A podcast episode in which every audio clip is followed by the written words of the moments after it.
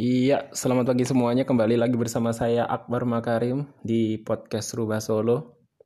Pada episode pertama kali ini, saya ingin mengajak kalian untuk mengingat-ingat uh, kapan sih sebetulnya kalian itu merasa sadar sebagai seorang manusia hidup di dunia dan menjalankan aktivitas kalian secara sadar. Kalau saya contohnya, saya dari umur 3 tahun baru sadar kalau saya hidup di dunia waktu itu ceritanya lagi nyusu pakai dot di bantal pesing gitu kan. Jadi kalau teman-teman tanya bantal pesing itu apa? Jadi kayak pasti kayaknya semua orang tuh pasti punya deh namanya bantal pesing deh hampir semua orang. Jadi bantal pesing itu kayak bantal yang sebetulnya uh, pernah dicuci. Cuman dia itu garing dinggo begitu kering langsung dipakai gitu kan. Ah terus habis itu seperempat dari bantalnya itu uh, isinya renda. Jadi biasanya kalau misalnya kita nih punya bantal pesing, uh, kalau saya ya, jadi nyusu ngedot sambil elus-elus ini uh, rendanya itu sampai tidur. Nah itu uh, peristiwa yang paling saya ingat ketika saya benar-benar uh, sadar hidup di dunia. Nah kalau uh, teman-teman nyari ini untuk kapan sih waktu manusia tuh rata-rata untuk sadar hidup di dunia kan?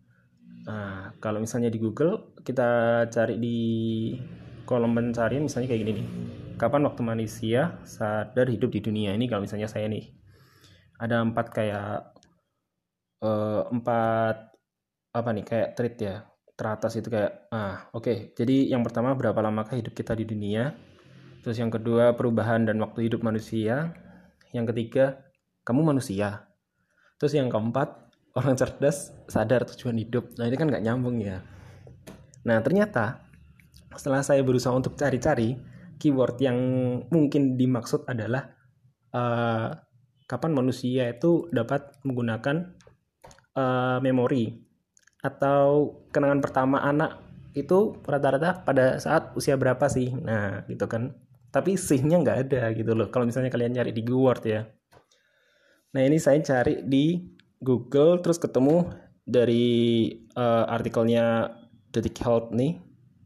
Uh, udah lumayan lama banget ini dari 23 Desember 2011 jadi ini judulnya kenangan pertama anak dapat terjadi sejak usia 2 tahun. Nah oke okay, jadi kayak oke okay, jadi di sini tuh ada uh, penelitian di University of Otago di New Zealand. Itu dia bikin kayak apa ya penelitian tentang uh, umur berapa sih sebetulnya kalau rata-rata manusia itu bisa menggunakan memorinya gitu kan atau mengingat memorinya uh, saat bayi. Jadi kayak gini nih. Kami tertarik untuk melihat memori anak usia muda karena dapat memberi tahu fakta tentang memori secara umum. Kebanyakan dari kita tidak bisa mengingat apa pun memori saat bayi, hanya memori usia 3 atau 4 tahun dan ketika kita sudah mulai mengingat. Nah, kebanyakan memori pada masa balita itu kan uh, adalah peristiwa yang besar dalam hidup yang akan diceritakan pada uh, dirinya sendiri ke orang lain pada saat masa dewasa. Nah, jadi ternyata dari penelitian ini penelitian ini itu adalah menemukan bahwa anak usia 2 hingga 3 tahun sudah dapat membentuk kenangan pertama dan mengingat hal-hal yang menarik. Bahkan pada usia 8 sampai 12 bulan nih anak nih itu juga ada yang bisa mengingat hal-hal saat uh, dia pada pada pada saat itu dia tuh sudah bisa mengingat hal-hal yang terjadi pada dirinya di usia 8 sampai uh, eh, 12 bulan. Wow. Kalau saya sendiri dari usia 3 tahun ya.